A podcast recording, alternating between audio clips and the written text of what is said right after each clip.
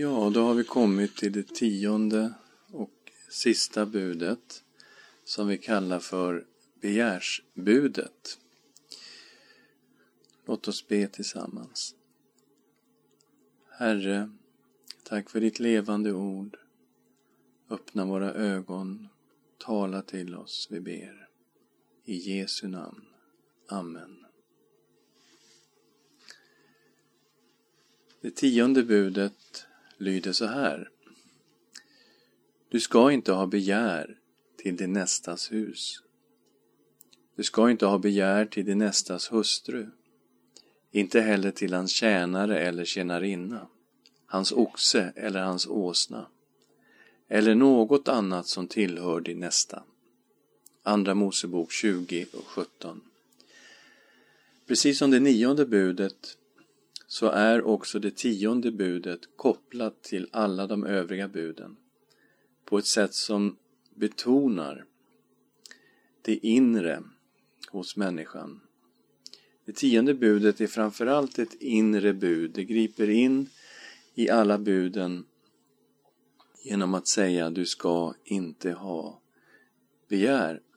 Vid första påseende så kan man få ett intryck av det tionde budet bara en repetition av förbud mot äktenskapsbrott och stöld. Men kraften i det här budet, det ligger just i detta, du ska inte ha begär. Om ni ser på den här eh, tabellen som jag har här i kompendiet så längst upp så har vi detta tionde bud som då som är övergripande, du ska inte ha begär och som genomsyrar alla buden.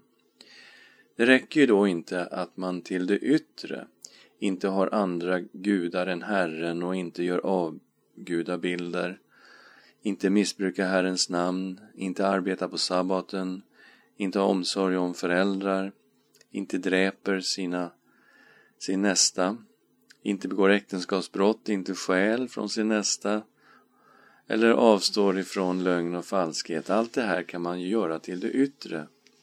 Men det finns en inre sida av alla buden och det är framförallt de som Jesus lyfter fram i sin utläggning av buden. Att man inte har några hemliga avgudar, inte har avgudabilder av Gud eller skapelsen i sitt inre. Att man verkligen håller Guds namnet heligt i sitt inre. Att man verkligen har en sann sabbat inför Gud.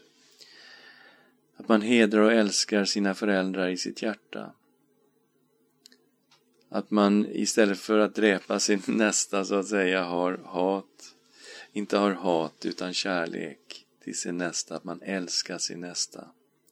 Inte har sexuell lusta efter andra och inte åtrår sånt som ens nästa äger och har. Och inte är falsk på något sätt och inte bedrar eller dömer andra utan att ens jag är jag och ens nej är nej och att vi är alltigenom ärliga människor. Och vi ser i Jesu utläggning av buden att det är just den här inre biten som han lyfter fram i bergspredikan. Till exempel i Matteus 5, 21. Ni har hört att det är sagt till fäderna, du ska inte mörda. Den som mördar är skyldig inför domstolen, men jag säger er, den som är vred på sin broder är skyldig inför domstolen. Den som säger till sin broder ditt dumhuvud är skyldig inför Stora råden, rådet. Och den som säger din dåre är skyldig att dömas till det brinnande Gehenna. Och när Jesus lägger fram eh, sin förklaring av de olika buden, då står vi alla där som syndare. Han avslutar också sin utläggning av buden med att säga Var alltså fullkomliga, så som er fader i himlen är fullkomlig. Matteus 5 och 48. Så lagen lär oss vad som är rätt och fel i Guds ögon. Men lagen lär oss också att vi är syndare och vi är i behov av förlåtelse och nåd. Och den här kontrasten ser vi till exempel i inledningen av Johannesevangeliet kapitel 1, vers 17. Ty lagen gavs genom Mose. Nåden och sanningen kom genom Jesus Kristus. Lagen, inför den står vi där som syndare, i behov av nåd, i behov av förlåtelse och frälsning. Det har kommit genom Jesus Kristus. När Paulus lyfter fram sin kamp mot synden då sammanfattar han faktiskt hela lagens inre väsen med det tionde budet. Det är just det tionde budet som han lyfter fram. Vi kommer då till Romarbrevet kapitel 7, det här mycket kända avsnittet hos aposteln Paulus. Vi läser vers 7 och 8. Vad ska vi då säga? Att lagen är synd? Nej, visst inte. Men det var först genom lagen jag lärde känna synden. Jag hade inte vetat vad begäret var om inte lagen sagt du ska inte ha begär. Men synden grep tillfället och väckte genom budordet all slags begär i mig. Ty utan lag, lagen är synden död. Så Paulus talar om lagen, men det enda han citerar det är du ska inte ha begär. Så han tar det tionde budet och säger det här inre, det är det som visar att vi är syndare. Och han går vidare och berättar om sin kamp från vers 18. Ty jag vet att i mig, det vill säga i mitt kött, bor inte något gott. Viljan finns hos mig, men att göra det goda förmår jag inte. Ja, det goda som jag vill gör jag inte, men det onda som jag inte vill, det gör jag. Men om jag gör det jag inte vill, då är det inte längre jag som gör det, utan synden som bor i mig. Jag finner alltså den lagen, jag vill göra det goda, men det onda finns hos mig. Till min inre människa gläder jag mig över Guds lag, men i mina lemmar ser jag en annan lag som ligger i strid med lagen i mitt sinne och som gör mig till fånge under syndens lag i mina lemmar. Jag, arma människa, vem ska frälsa mig från denna dödens kropp? Gud vare tack, Jesus Kristus vår Herre. Alltså tjänar jag själv med mitt sinne Guds lag, men med köttet tjänar jag syndens lag. Så, det är när det tionde budet läggs till alla de övriga buden som vi alla framstår som syndare. Som Paulus säger, vad innebär nu detta? Att lagen är synd? Visst inte. Men först genom lagen har jag lärt känna synden.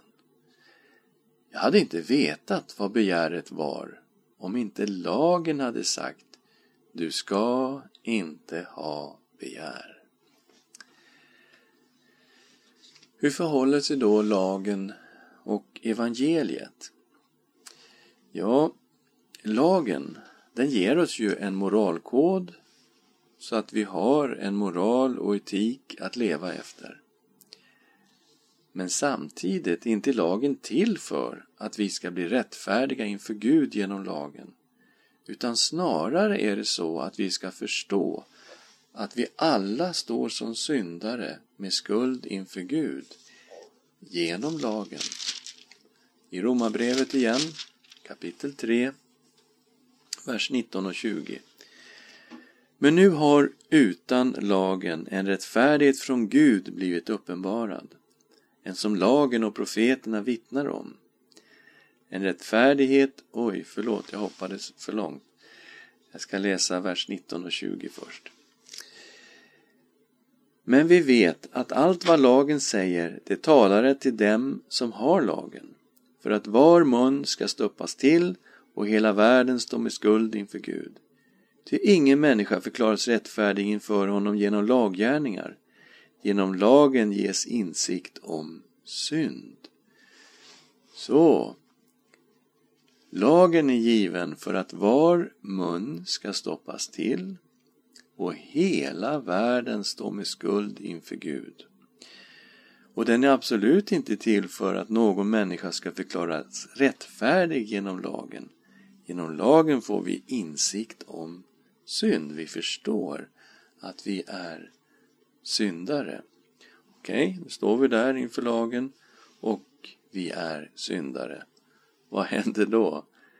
Jo, rättfärdiga inför Gud, det blir vi genom tron på Kristus. Det finns en rättfärdighet som kommer från Gud. Den har kommit genom Jesus Kristus. Han är så att säga rättfärdigheten från Gud. När vi tar emot honom, då förklaras vi rättfärdiga inför Gud. Vers 21. Men nu har utan lagen en rättfärdighet från Gud blivit uppenbarad, en som lagen och profeterna vittnar om, en rättfärdighet från Gud genom tro på Jesus Kristus för alla som tror. Ty här finns ingen skillnad. Alla har syndat och saknar härligheten från Gud. Och det står som rättfärdiga, utan att ha förtjänat det, av hans nåd, därför att Kristus Jesus har friköpt dem. Så lagen, den uppenbarar att vi är syndare i behov av nåd och frälsning. Evangelium om Jesus Kristus, där har vi förlåtelsen när vi tror på Jesus. Och då kan man ju ställa sig frågan, upphäver då evangeliet lagen? Nej, säger Paulus, det är faktiskt tvärtom.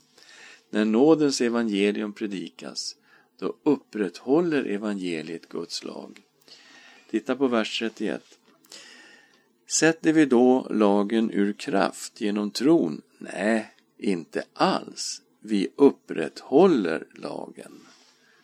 För lagen är ju nödvändig om vi ska förstå att vi är syndare och i behov av evangelium, behov av frälsning.